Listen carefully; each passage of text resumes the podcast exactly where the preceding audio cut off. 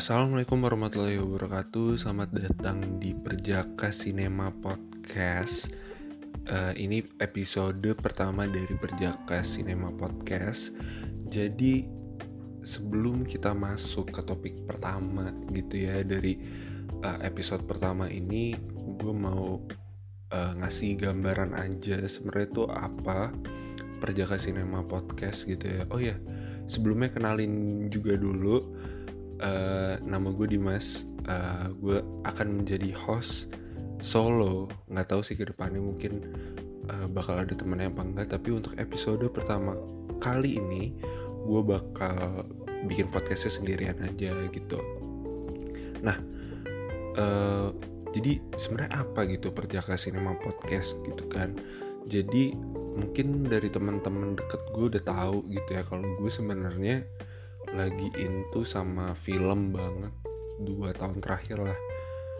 Uh, ya gue pengen aja buat nge-share opini gue tentang film yang gue tonton karena di Instagram itu kan gue nggak bisa mengeluarkan apa ya full ide gue gitu. Karena terbatas kan cuma foto caption juga ya siapa yang mau baca caption panjang-panjang gitu makanya gue bikin uh, podcast ini buat ya ngomongin film lah gitu nah uh, jadi perjaka sinema podcast nantinya kalau misalnya lanjut nih ke episode episode selanjutnya bakal ada episode-episode yang berhubungan juga dengan film gitu. Nah, untuk episode pertama ini gue bakal ngomongin tentang salah satu sutradara Indonesia yang paling terkenal dan juga menurut gue terbaik. Mungkin bisa tebak siapa, uh, mungkin Hanung Bramantio atau uh, Jose Purnomo, nggak tahu, bukan, tapi uh, gue bakal bahas ya Joko Anwar gitu. Nah, uh, untuk topik episode pertama ini gue nggak mau yang berat-berat ngomongin tentang art house atau uh, sutradara-sutradara yang film-filmnya penuh pesan tersendiri gitu enggak gue mau bahas yang ringan-ringan aja dan nanti mungkin juga uh, di episode-episode selanjutnya bakal cara pembawaannya juga bakal lebih santai aja sih gitu jadi untuk topik kali ini adalah gue bakal ngeranking uh, film-film dari Joko Anwar sendiri gitu. Nah, uh, Joko Anwar sendiri udah buat 8 film. Film pertamanya itu Janji Joni, terus juga dilanjut oleh Kala, habis itu Pintu Terlarang, habis Pintu Terlarang ada uh, modus anomali. Habis modus anomali itu ada uh, pengabdi setan. Oh enggak sebelum pengabdi setan ada copy of my mind dulu. Habis itu pengabdi setan uh, lalu Gundala baru yang terakhir yang paling baru itu perempuan tanah jahanam. Nah setahu gue juga film Joko Anwar yang paling baru itu sebenarnya bakal rilis antara 2020 atau 2021 gitu. Jadi udah dua tahun ini Joko Anwar belum ngeluarin film. Uh, ya kemungkinan karena pandemi COVID-19 gitu ya. Tapi feeling gue sebenarnya Joko Anwar itu harusnya ngerilis film di dua tahun ini harusnya. Nah dari 8 film itu gue bakal ranking dari yang paling bukan terbaik sih. Karena menurut gue film itu selera ya. E, bisa aja yang menurut gue terbaik e, bukan yang terbaik menurut lo gitu. Makanya di sini gue bilang e, ranking film favorit gue film Joko Anwar yang menurut gue gue paling suka banget gitu. Oke di peringkat pertama gue memilih A Copy of My Mind jadi film ini tahun 2015 diperankan oleh bintangnya ya yang ada di filmnya itu Tara Basro sama Chico Jericho. Kenapa gue suka banget film ini? Karena um, apa ya dari ceritanya sendiri itu sangat dekat dengan gue gitu jujur gue bukan orang yang uh, kaya tapi bukan yang miskin juga cuman ketika apa ya ngeliat visual cerita yang ada di a, a copy of my mind itu kayak gue pernah ngerasain hal tersebut gitu. Gue pernah uh, ke toko DVD bajakan terus juga pernah ke Electronic City dengan intensi tidak membeli barang di situ. Terus uh, ada juga yang dia di uh, warteg segala macam gue pernah ngelakuin itu gitu. Jadi gue ngerasa kayak film ini very close heart buat gue karena ya relate gitu sama gue dan menurut uh, gue dari segi ceritanya pun tanpa apa ya me menghubungkannya dengan sentimental gitu ya sentimen pribadi sentimen pribadi gitu um, film ini masih gue bilang punya apa ya kayak um, karismanya sendiri gitu. Kalau di orang tuh karisma ya kalau di film apa ya ketertarikan bisa membuat orang tuh tertarik gitu. Ceritanya simple ada dua uh, stranger. Yang satu itu dia bekerja di salon dan yang satu adalah uh, bisa dibilang apa ya pengangguran tapi dia itu sebenarnya occupationnya adalah translator film bajakan gitu. Nah mereka ketemu di suatu toko DVD bajakan karena uh, Tara Basro di sini namanya Sari itu nggak suka sama translate uh, yang ada di film dia gitu dan di situ dia berdua mereka berdua itu uh, mulailah um, apa ya menjalani hubungan yang sebenarnya itu nggak biasa sampai suatu hari Sari itu dapat panggilan salon di suatu penjara uh, di mana dia melayani ibu-ibu koruptor gitulah. Nah, ketika mau pulang, Sari itu ngambil CD ibu-ibu tersebut dan dari situ semua perjalanan uh, cinta antara Sari dan Alek itu menjadi tidak biasa gitu.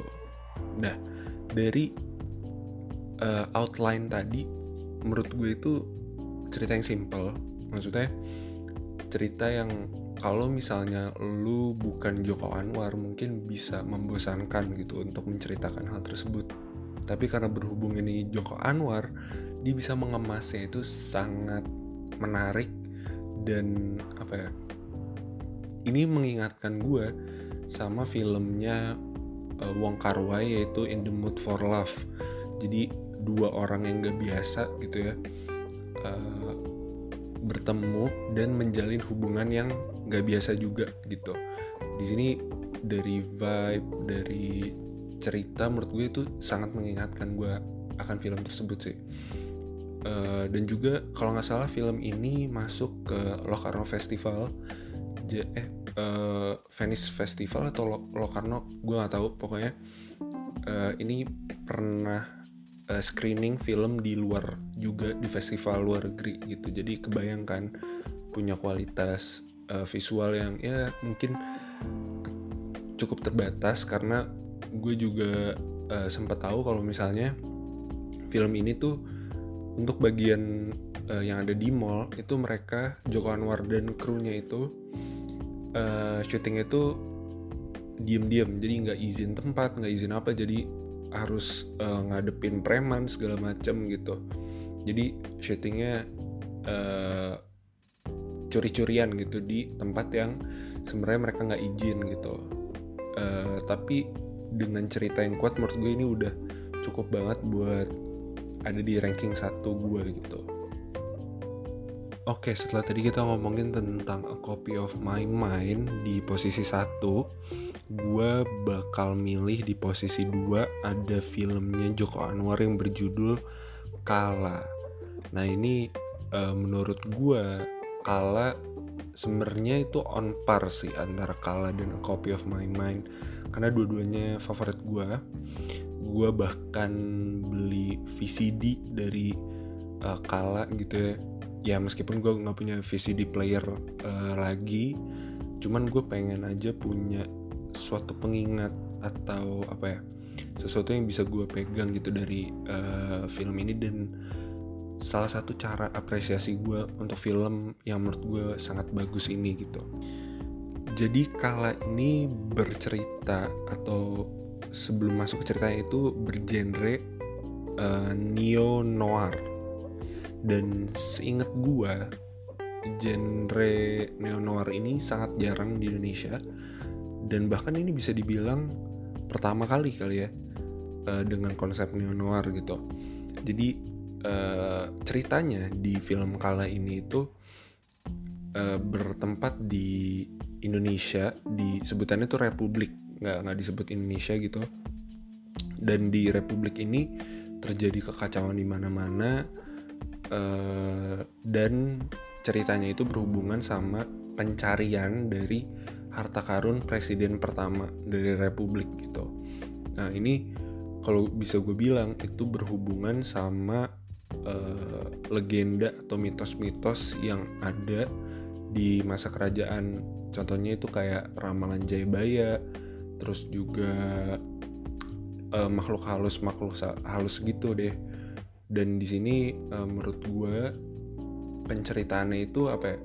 Meskipun neo noir neo noir kan uh, bisa dibilang sangat ke Amerika Amerikaan gitu ya. Amerika uh, di tahun 40-an 50-an gitu. Tapi di sini uh, diaplikasikan di Indonesia dan tidak apa ya menghilangkan esensi Indonesianya itu yang gue suka gitu. Jadi masih ada esensi Indonesianya di situ dan juga di kala ini yang menurut gue paling uh, pol gitu ya maksudnya paling menonjol dari uh, film ini adalah acting dari uh, assembly castnya yang menurut gue bagus banget.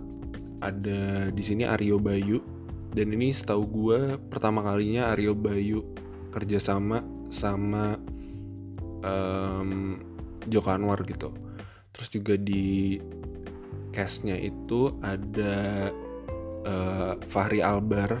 Fahri Albar ini wah ini gue gue pas nonton pertama oke sebelumnya gue tahu Fahri Albar itu cuma dari berita dia ketangkep uh, kasus-kasusnya dia gitu. Tapi pas nonton ini wah gue gue langsung suka banget sama actingnya gitu dan apa ya uh, wajar sih kalau misalnya dulu mungkin dia jadi berita utama di uh, media gitu karena emang he's one of the best I think uh, actor yang saat itu gitu. Pokoknya yang paling menonjol itu dua aktor itu deh uh, Arya Bayu sama uh, Fahri Albar. Itu menurut gue top banget aktingnya di sini uh, terus yang apalagi yang gue suka dari kala? Yang gue suka dari kala uh, lainnya maksudnya dari sisi lainnya itu gimana Joko Anwar ini bisa menggambarkan kota Jakarta kota tua lebih tepatnya dengan bangunan-bangunan Belanda gitu ya. Tapi kayak kerasa ini tuh di dystopian world gitu. Jadi ini di uh, dunia yang apa ya bukan Indonesia gitu bukan kenyataan. Di sini berhasil banget sih kalau misalnya ini uh, emang inten intensinya pengen ngegambar Indonesia tapi dengan suasana yang berbeda berhasil banget. Dan uh, yang mau gua salutin itu adalah gimana Joko Anwar ini bisa uh, ngebuat suatu film dengan uh, konsep sekeren ini terus juga dengan production house yang mungkin sekarang kita tahu ya gitu deh gitu kan saat itu mungkin masih awal-awal gitu ya jadi uh, gue yakin Joko Anwar diberikan 100% atau kebebasan kreativitas yang cukup besar lah di situ. Jadi itu dia uh, kala gue taruh di posisi dua karena gue suka banget dari ceritanya dari actingnya itu one of the best uh, ever in Indonesian cinema history gitu. Lanjut di posisi ketiga ada pintu terlarang. Mungkin banyak yang kurang setuju gitu ya, naruh kala di atas pintu terlarang. Tapi jujur gue nggak bisa sebenarnya nggak bisa apa ya nggak bisa uh, ngeluarin kala dari top 2 sih sebenarnya. Karena apa ya seperti yang tadi gue bilang ini bukan the best movie uh, atau um, film yang punya kualitas lebih bagus tapi ini film yang menurut gue favorit. Dan gue jamin ini subjektif nggak ada objektif objektifnya gitu. Uh, jadi itu dia kenapa. Jadi kalau kalian merasa pintu terlarang lebih bagus dari kala. It's okay karena uh, film itu kan apa ya selera gitu. Oke jadi pintu terlarang ini punya genre uh, sama seperti kala thriller gitu psychological. Cuman um, apa ya di sini kalau misalnya kalian pernah nonton uh, Identity dari James Mangold itu mirip kayak gini. Jadi ceritanya itu kayak kita dibingungin what is real and what is not gitu. Dan di situ menurut gue Joko Anwar itu berhasil banget sih kalau uh, mau buat kayak gitu. Dan uh, yang gue salut adalah penceritaannya itu nggak bikin lu bertanya-tanya setelahnya gitu. Jadi everything's clear afterwards. Uh, cuman mungkin pas nonton mencerna aja gitu perlu mencerna lebih uh, dalam dari biasanya kalau misalnya kalian nonton film gitu di bioskop kalian masang kapasitas otak uh, eh, 50% kalau misalnya nonton ini usahain sih 70-80 jadi emang filmnya slow burn banget uh, tapi di endingnya itu paid off uh, dan salah satu film yang menurut gue apa ya dengan konsep seperti itu cukup berhasil sih. Dan bisa dibilang menyaingi film-film seperti yang tadi gue bilang juga identity gitu. Jadi ceritanya di pintu terlarang ini ada uh, seseorang dia ini apa ya bisa dibilang kayak ngerasa hidupnya kok diatur terus gitu. Padahal dia seniman loh seniman kan um, harusnya bebas gitu ya berkreasi secara bebas. Tapi di sini dia ngerasa kayak diatur uh, terus uh, namanya Gambir kalau nggak salah. Dan juga diperanin oleh Fahri Albar. Di sini masih sama bagusnya seperti di Kala aktingnya Fahri Albar. Uh, gue juga suka banget aktingnya di sini.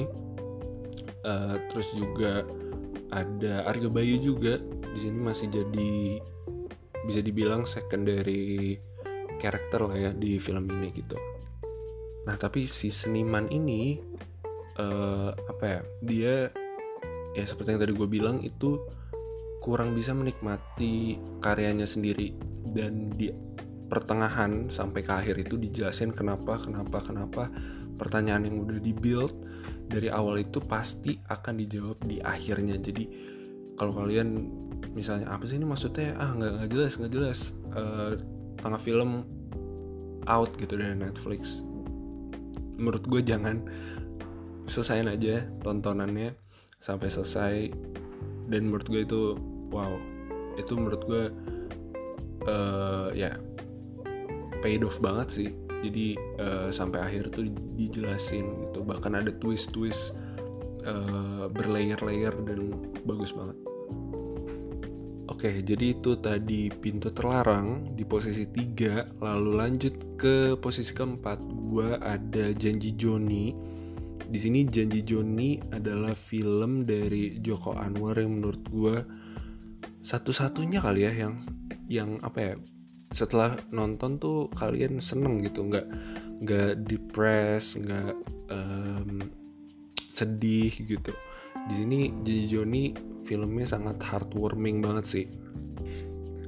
Uh, dan juga Janji Joni ini uh, film yang bisa um, buat image Nicholas Saputra di otak gue itu berubah gitu.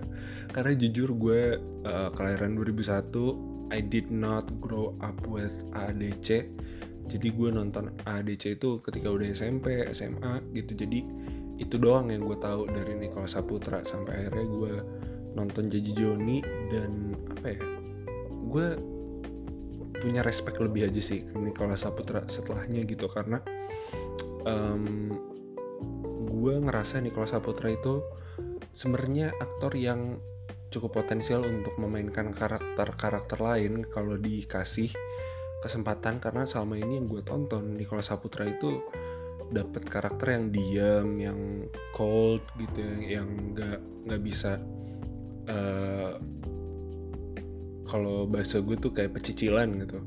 Kalau di sini janji Joni uh, Nicholas Saputra sebagai Joni itu menurut gue um, apa ya bisa ngasih dimensi lebih aja sih dengan kehadiran Nicholas Saputra di situ dengan Joni yang lucu gitu ya yang terjebak di situasi yang uh, aneh-aneh gitu. Dan menurut gue itu uh, sangat heartwarming. Terus juga ini film pertama dari Joko Anwar yang bener-bener ngegambarin kecintaannya Joko Anwar terhadap bioskop sinema gitu ya di Indonesia. Karena uh, mungkin fun fact lagi Joko Anwar itu um, seorang yang suka film karena nggak semua sutradara itu yang suka film banget gitu kalau Joko Anwar ini yang gue tahu dia suka banget sama film dan uh, he grew up with B movies. Um, what is it called? Like um, like film film exploitation gitu ya. Dan itu jarang sih, maksudnya punya ada sutradara yang benar-benar punya connection dengan sinema gitu di Indonesia ya khususnya gitu. Jadi ceritanya di Janji Joni ini ada seorang uh, pria gitu bernama Joni. Dia ini pengantar roll film. Jadi kalau zaman dulu sebelum mungkin sekarang udah digital kali ya gue nggak tahu mekanisme bioskop sekarang. Cuman waktu Janji Joni ini dia mengantar uh, roll film ke dua bioskop gitu. Karena dulu uh, satu roll film itu ada empat. Kalau nggak salah ya ini gue udah lama nonton Janji Joni jadi uh, harus gantian uh, antar roll film itu. Kenapa? Karena bioskop itu uh, ingin mengambil keuntungan sebesar besarnya gitu jadi harusnya sebenarnya uh, satu film itu cuma buat satu bioskop tapi ini digilir jadi nanti tuker-tukeran nah Joni perannya di situ mengantarkan uh, role film di antara dua bioskop gitu bolak-balik. Nah satu hari jadi John, jadi Joni nggak tuh? Uh, Joni, Joni nama karakternya Joni ya bukan jadi Joni. Joni ini uh, ketemu sama salah satu cewek yang diperankan oleh Mariana Renata gitu. Nah uh, Joni bilang kalau misalnya berjanji buat balik lagi ke sini uh, dan kasih tahu namanya gitu jadi mereka uh, janjian buat ketemu setelah Joni nganterin uh, roll filmnya gitu nah tapi di pertengahan jalan itu Joni ngadepin banyak sekali masalah uh, yang seputaran dengan roll filmnya ini gitu. Dan di situ uh, gue apa ya nggak tahu sih kalau misalnya mungkin Joko Anwar punya referensi dari filmnya Martin Scorsese. Ini gue keingetan banget sama filmnya Martin Scorsese yang judulnya After Hours. Jadi kayak uh, karakter utamanya ini dari awal film sampai ke akhir film itu terjebak di plot-plot yang apa ya sebenarnya tuh dia nggak punya tujuan ke situ tapi dia cuma kebawa dengan kondisinya gitu. Nah itu mengingatkan gue banget sama janji Joni gitu. Jadi itu uh, Janji Joni salah satu bahkan satu-satunya mungkin film dari uh, Joko Anwar yang genrenya komedi gitu ya. Setelah tadi Janji Joni ada di posisi keempat sekarang ada Perempuan Tanah Jahanam di posisi kelima. Uh, by the way gue baru mungkin rewatch Perempuan Tanah Jahanam 20 menit lalu 30 menit lalu. Ya sekitaran segitu gue baru banget rewatch jadi masih sangat fresh di ingatan gue uh, jadi bercerita tentang uh, ini lagi-lagi diperankan oleh Tara Basro di sini sebagai Maya. Jadi Maya ini uh, harus ke kampung halamannya untuk ibaratnya ngeklaim gitu ya harta warisan dari keluarganya. Dan di situ ketahuan lah selama ini tuh ada masalah keluarga si Maya ini gitu. Dan um, di situ ada keanehan-keanehan di desanya yang berhubungan juga dengan keluarganya gitu. Kenapa Maya bisa eh, nggak uh, ingat sama orang tuanya dan sebagainya? Nah di PTJ ini atau perempuan tanah jahanam ini uh, genrenya masih thriller. Jadi bisa dibilang uh, tiga nggak nggak tiga juga sih. Uh, tapi sebagian besar dari filmnya Joko Anwar ini bisa dibilang thriller horror gitu ya. Uh, dan PTJ ini salah satu yang menurut gue complicated karena um, gue suka banget sama first act sama second actnya. Uh, babak satu babak duanya itu gue suka banget. Uh, dengan kehadiran Marisa Anita dan uh, Tara Basro di situ ya. Uh, hubungannya tuh apa ya, dynamic banget gue suka. Uh, dan Marisa Anita bener-bener bisa ngasih warna baru di film ini karena babak satu babak duanya itu sangat apa ya sangat fun sangat walaupun maksudnya ada um, jump scare dan uh, kengerian lainnya cuma dengan Marisa Anita di situ uh, sangat membantu lah buat ease up uh, things forward gitu menurut gue tapi permasalahannya itu ada di uh, third act. Di sini gue um, gue sebenarnya I'm not a big fan of like flashback to um, explain the plot uh, kind of fan gitu. Gue gue bukan fan yang kayak gitu. Uh, dan di sini PTJ ngasih itu dan apa ya gue rada kurang suka aja sih dengan penyelesaian di film ini. Gue tahu endingnya bakal ke situ cuman penjelasan bagaimana uh, karakter utama ini dealing with the problem gue rada kurang suka gitu.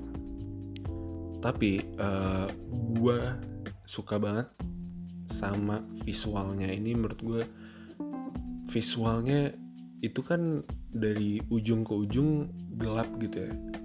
Nggak deh uh, dari ujung ke ujung juga tapi dari pokoknya dari pertama mereka datang ke desa desa Harjosari namanya mereka itu kayak apa ya kan desanya terpencil banget ya jadi nggak ada listrik. Nah di situ penggunaan dari cahaya itu cuma dari obor dari uh, lentera dan di situ gue suka banget sih uh, dari penggunaan lentera dan cahaya yang minim gitu.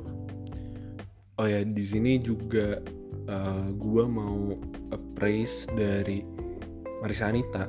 Menurut gue ini acting terbaiknya dia sih selama ini ya. Gue udah nonton dia di Eh, selamat pagi malam gue udah nonton dia di Gundala gue udah nonton dia di Mother's Love-nya HBO waktu itu uh, Bang Joko bikin kayak series gitulah dan dia bikin satu episodenya gitu ngedirect satu episode. Terus juga Marisa Anita main di mana lagi ya? Setahu gue itu sih uh, yang gue tahu ya Marisa Anita Gundala terus juga uh, PTJ ini terus gue selamat pagi malam Mother's Love itu sih. Gue suka banget uh, performa Marisa Anita dan gue punya oh ya sama Ali dan Ratu Ratu Queens yang baru keluar. Ini sekalian promosi kali ya. Gue nggak dibayar sama Netflix uh, atau sama siapa pun tapi buat kalian yang mungkin uh, mau tontonan yang heartwarming you have a bad day and wanna um, chill things up lu nonton Ali dan Ratu-Ratu Queens.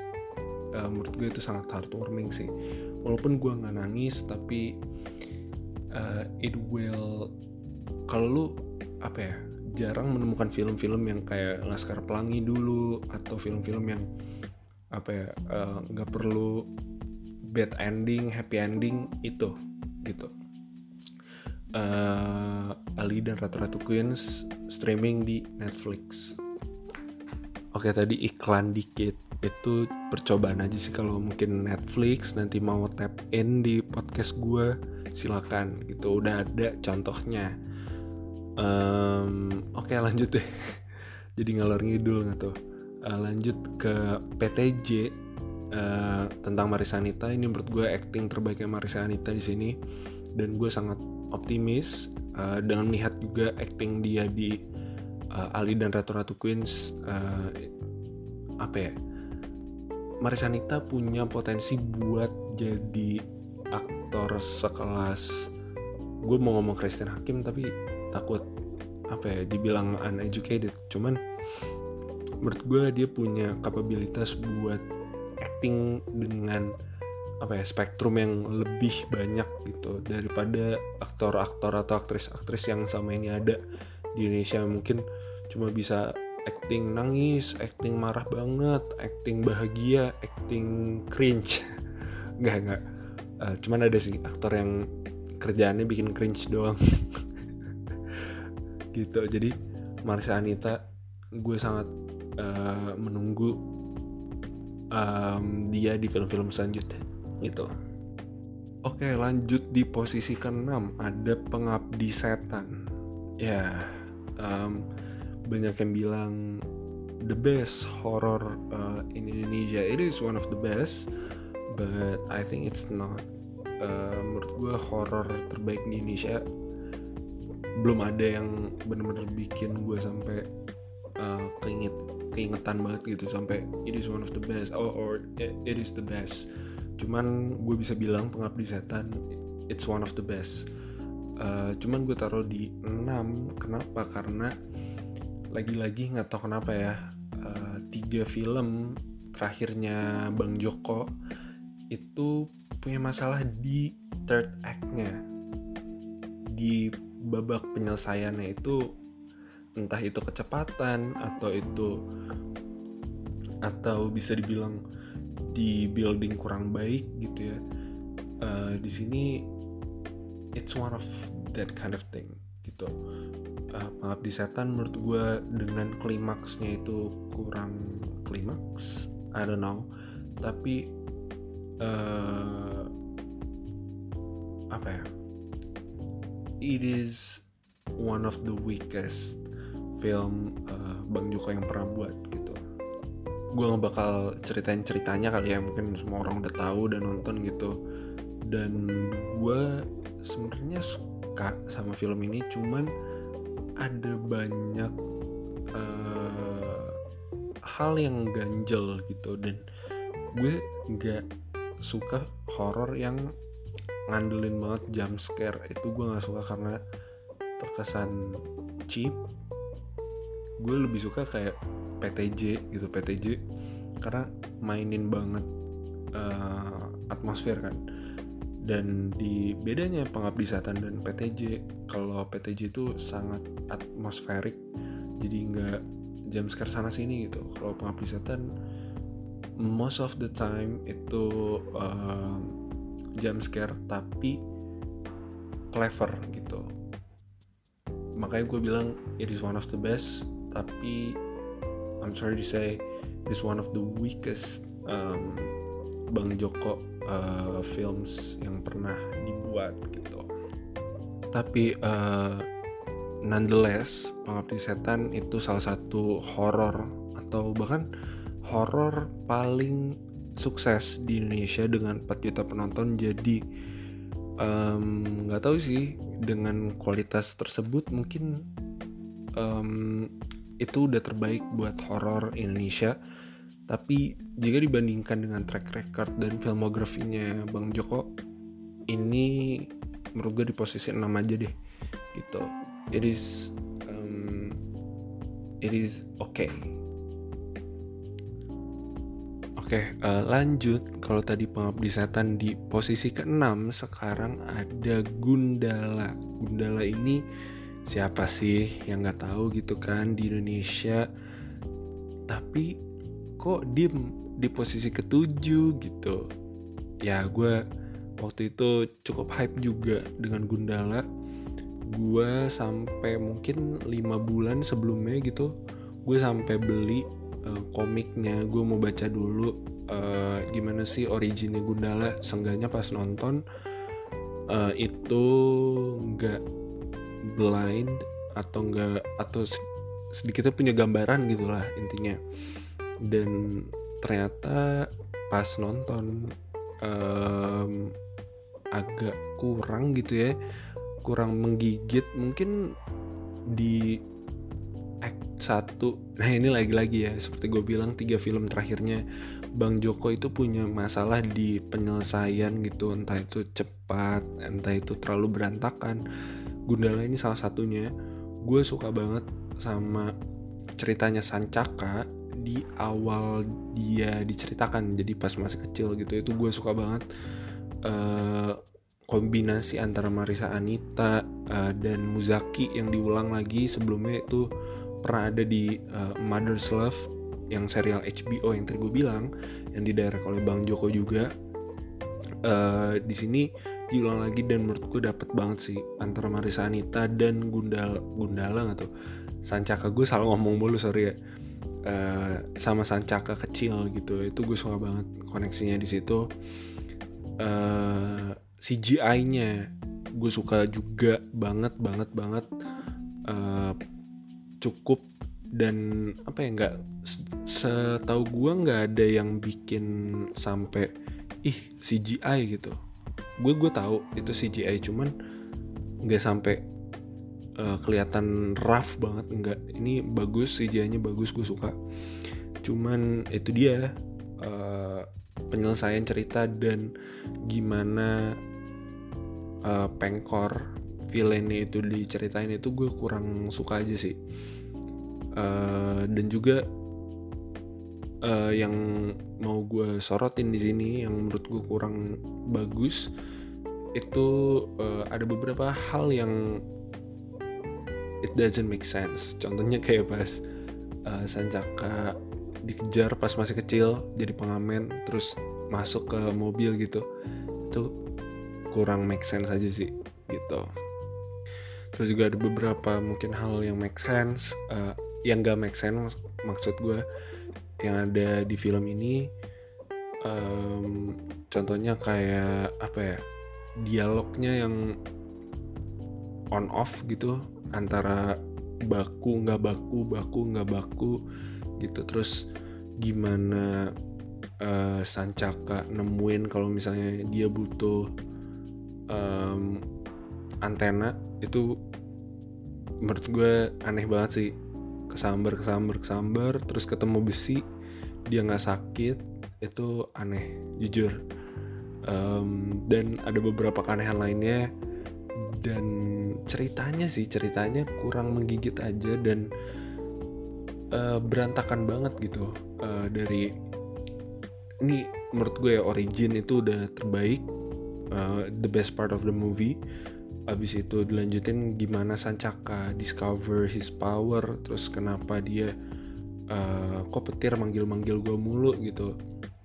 Terus sampai dia uh, bikin uh, kostumnya sendiri itu agak kecepatan gitu. Di situ uh, apa ya nggak ada momentum kayak oke okay, ini perubahan yang cukup besar di kehidupannya Sancaka sebagai hero gitu. Nggak ada gitu. Makanya um, ya kurang lah menurut gue film ini. Makanya gue kasih atau gue tempatin di posisi ketujuh gitu. Nah uh, di Gundala ini juga yang berperan atau aktornya yang main di sini ada Abimana. Di sini jujur Abimana uh, gue suka karena apa ya karismanya ada aja gitu. Dan uh, mungkin banyak yang bilang juga kalau selain Abimana yang mainin nggak ada yang cocok juga sih. Ya gue gue pas ngebayangin aktor lain misalnya siapa uh, Chico Jericho gitu. Jadi Gundala kurang. Terus juga uh, siapa ya? Uh, Iko Wise atau siapa gitu. Nggak ada yang dapet sih gitu. Emang Abimana sih. Dan Abimana menurut gue mungkin satu-satunya kali ya. Satu-satunya pokoknya yang menurut gue yang gue suka banget dari film ini adalah Abimana. Uh, CGI sama um, udah sih dua itu.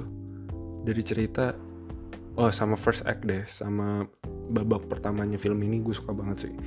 Dari uh, sudut pandang anak kecil dari sancaka kecil itu gue suka. Oke uh, kalau tadi Gundala di posisi ketujuh kita lanjut ke modus anomali.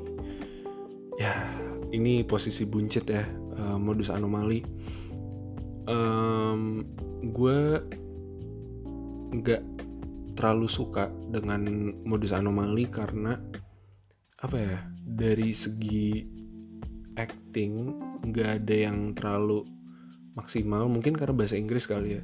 Dan di sini uh, agak aneh aja sih kenapa keputusannya pakai bahasa Inggris kenapa nggak bahasa Indonesia aja gue nggak tahu apakah mungkin dari production house-nya itu dari luar dan pengen dipasarkan secara uh, luas ke dunia gitu gue nggak tahu.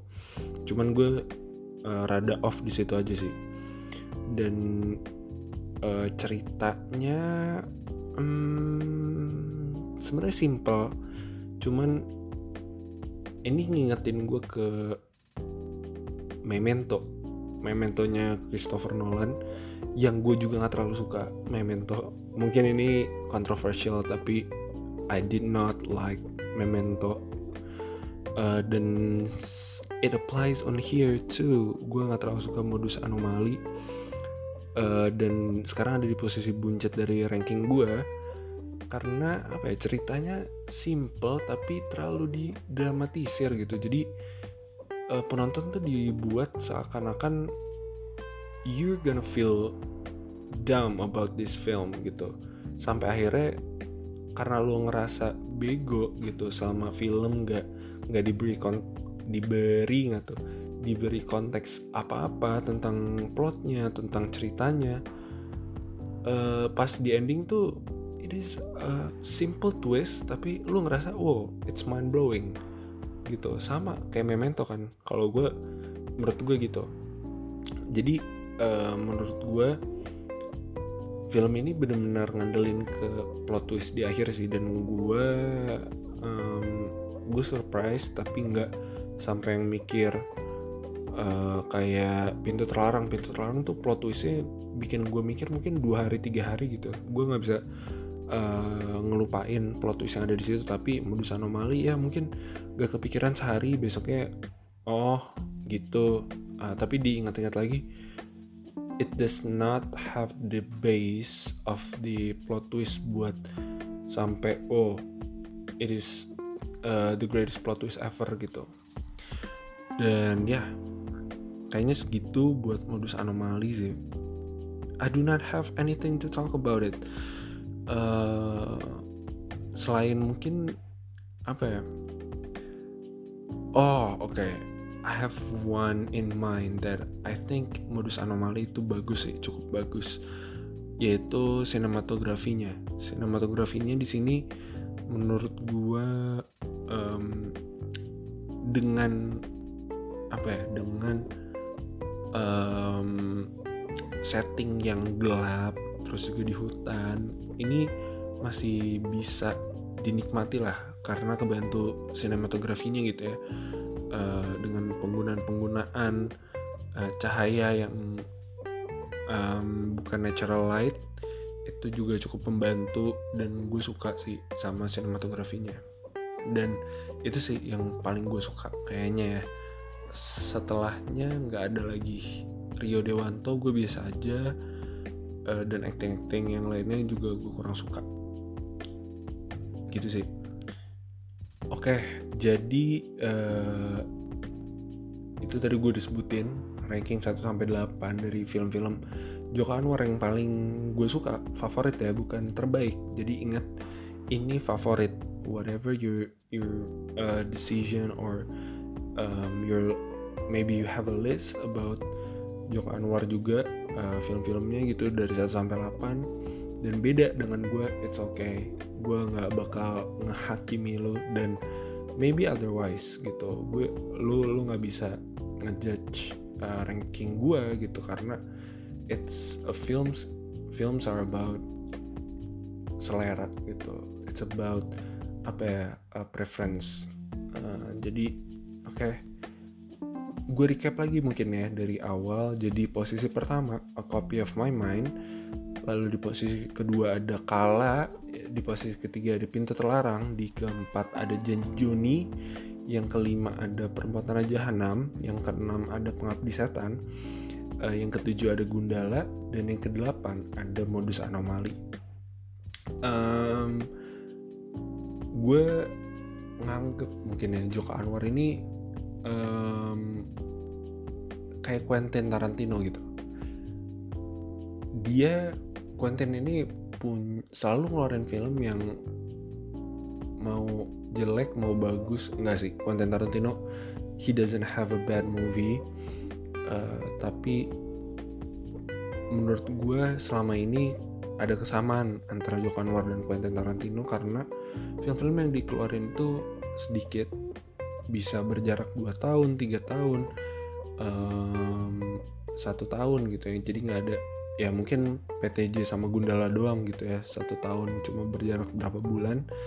Tapi gue ngerasa Joko Anwar ini selalu uh, ketika pengen ngeluarin film atau buat film itu udah di plan out dengan rapih.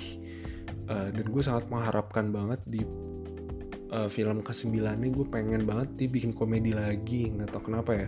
Gue udah I think Joko Anwar done enough to uh, horror dan thriller. Dan menurut gue nggak tahu sih what uh, Joko Anwar has in mind. Tapi gue rasa he already um, revolutionize the genre in Indonesia gitu. Jadi I don't think he he have something that we uh, haven't got gitu. Jadi gitu deh. Gue ngarep banget posisi 9 itu maybe romance comedy tapi yang dengan twistnya Joko Anwar gitu ya. Gue mengharapkan banget gitu. Uh, itu aja.